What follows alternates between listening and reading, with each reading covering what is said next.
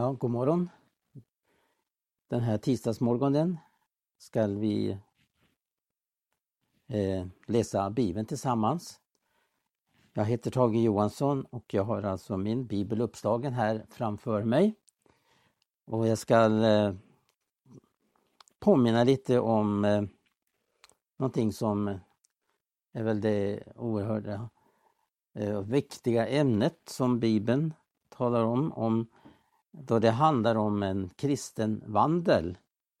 Vandel är ett gammalt ord numera. Det betyder ju detsamma som vår livsstil eller vårt uppträdande. Överhuvudtaget så handlar det om eh, vad vi återspeglar i vårt liv som kristna. Eh, ordet helgelse, det är ju ett känt ord för oss som läser Bibeln. Det återkommer ju på många ställen. Helig, att vara helgad.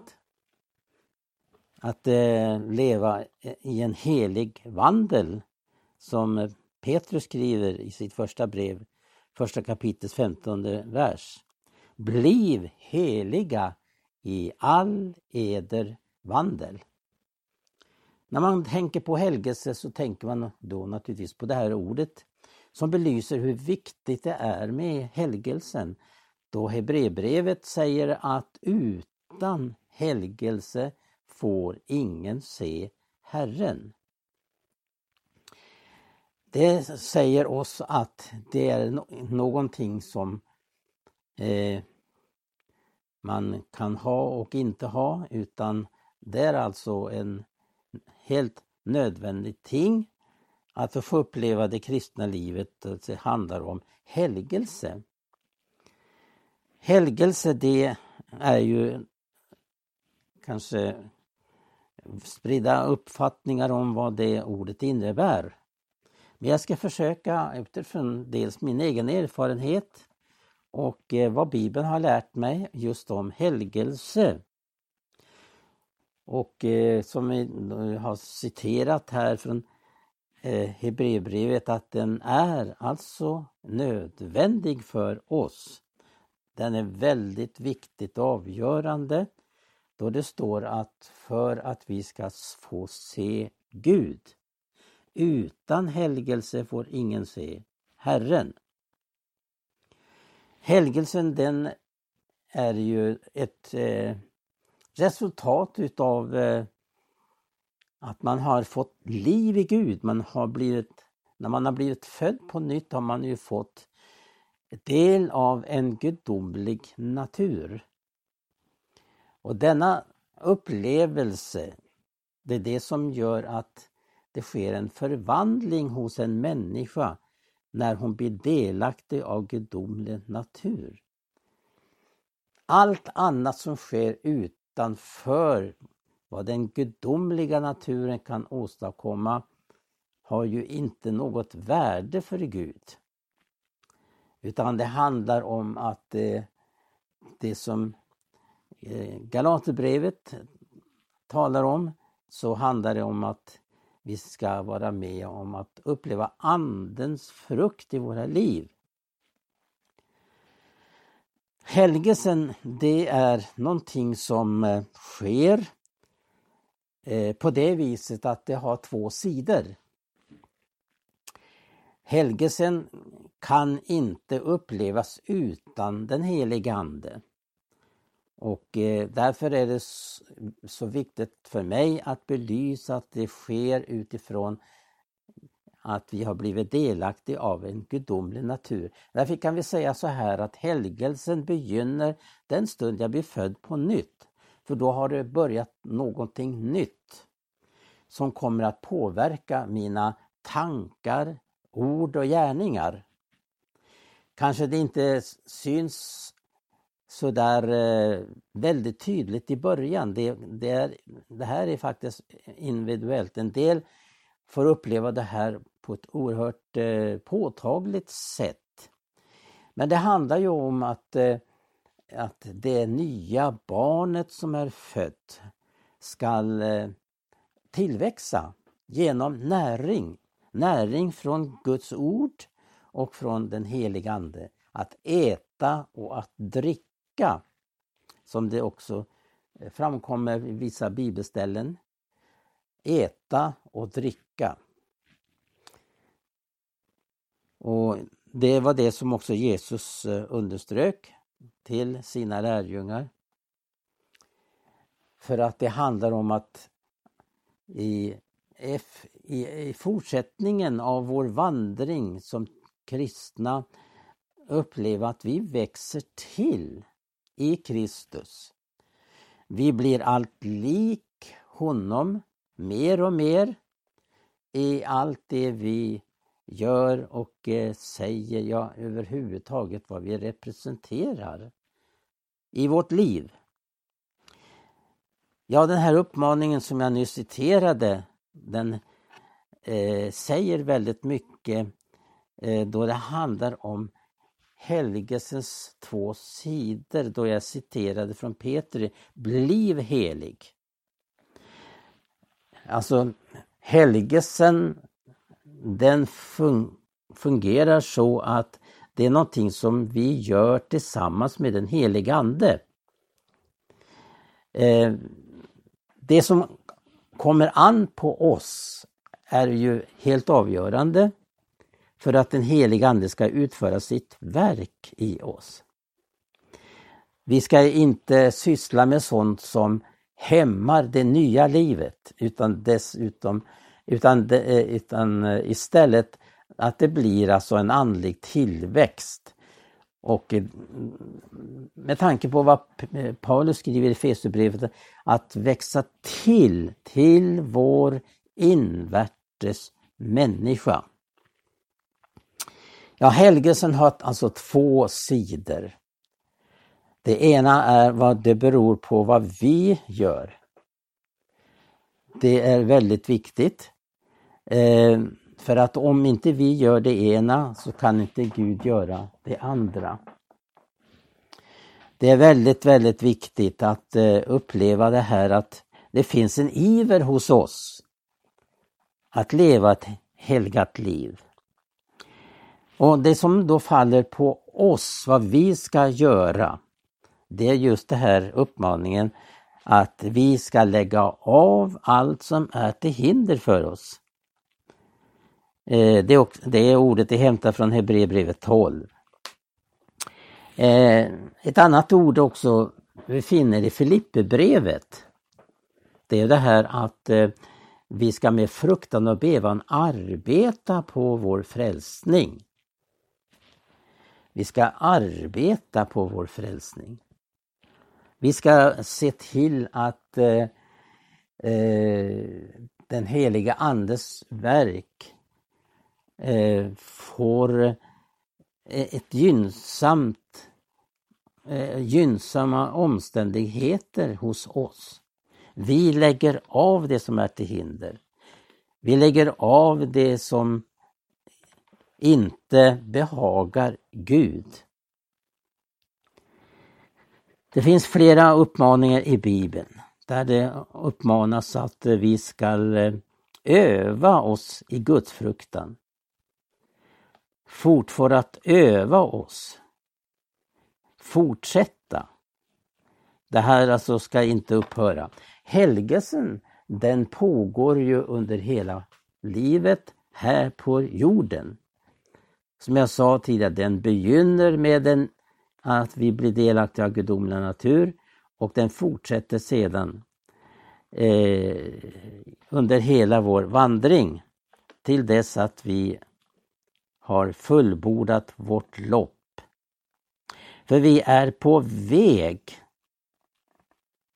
Vi är på väg.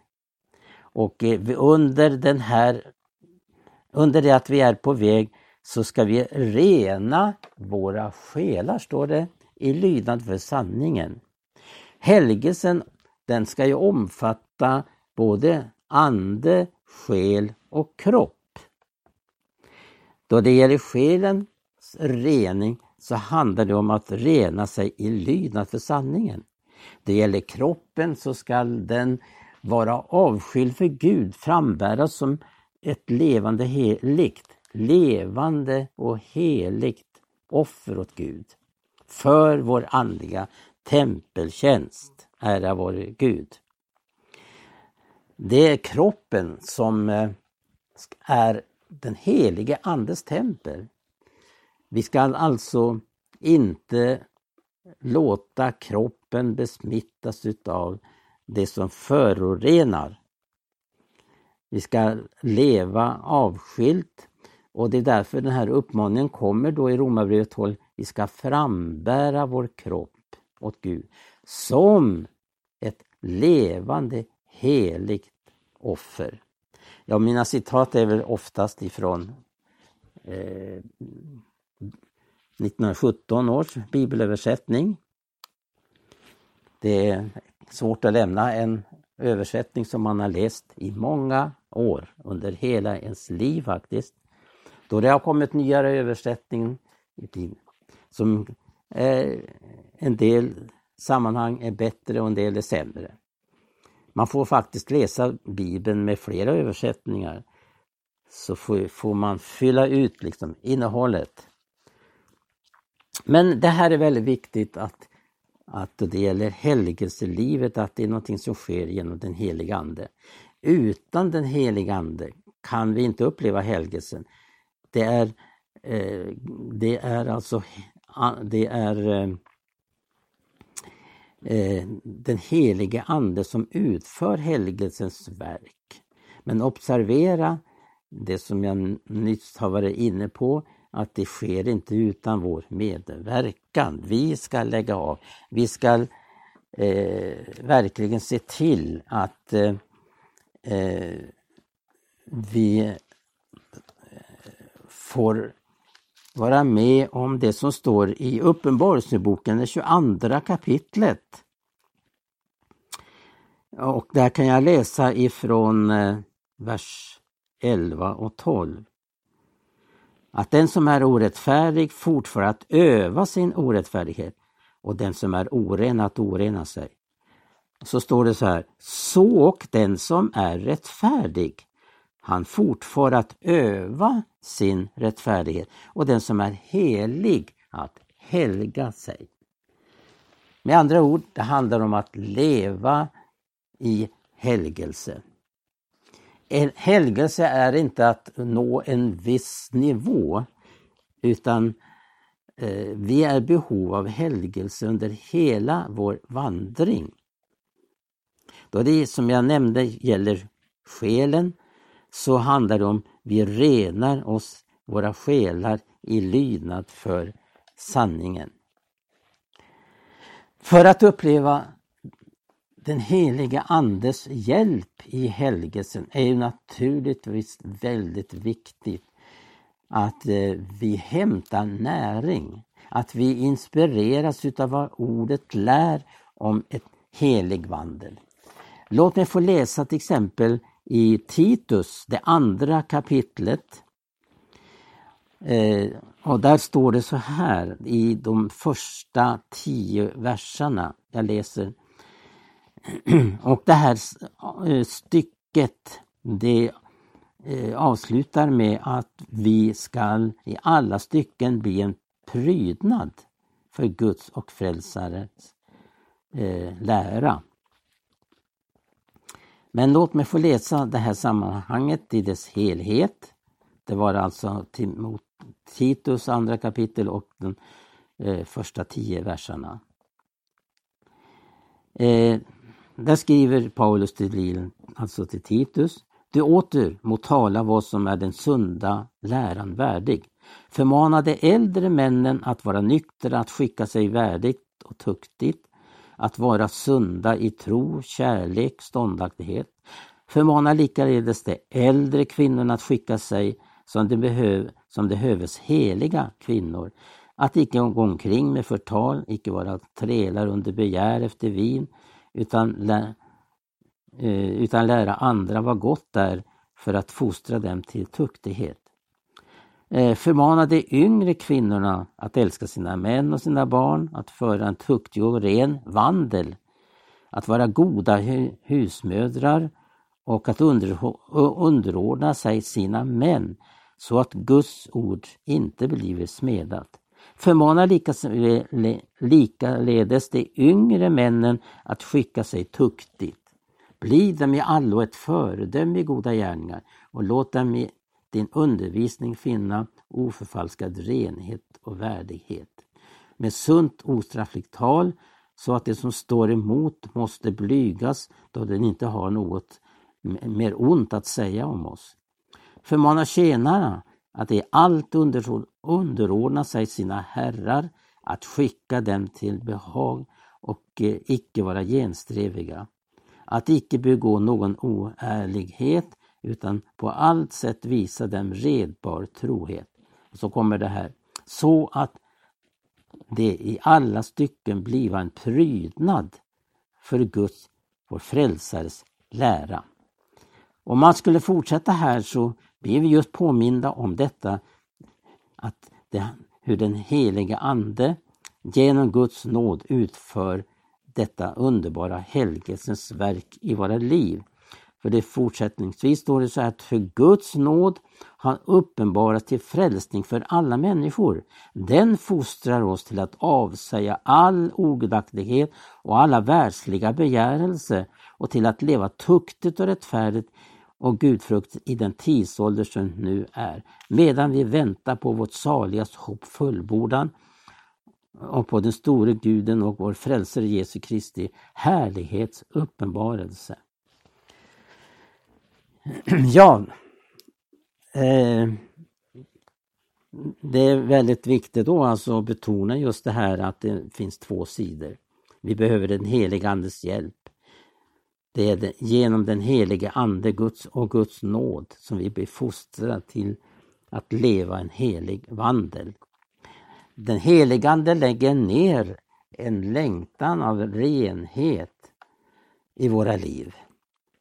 Och den eh, eh, ger oss en känsla av vad det som är eh, Gud till behag. Vi får uppleva att vi blir finkänsliga i, vår liv, i vårt liv. Det här var ju några ord om helgelse och eh, jag ska eh, också eh, särskilt understryka för att eh, helgelsens verk eh, få fortsätta i våra liv är det väldigt, väldigt viktigt att, att vi eh, verkligen älskar vår bibel. Att Guds ord får stå i centrum. Det är ju faktiskt så att vi upplever i den här tiden att det är så magert med bibelläsningen. Man kan höra man läser ju knappt aldrig Bibeln.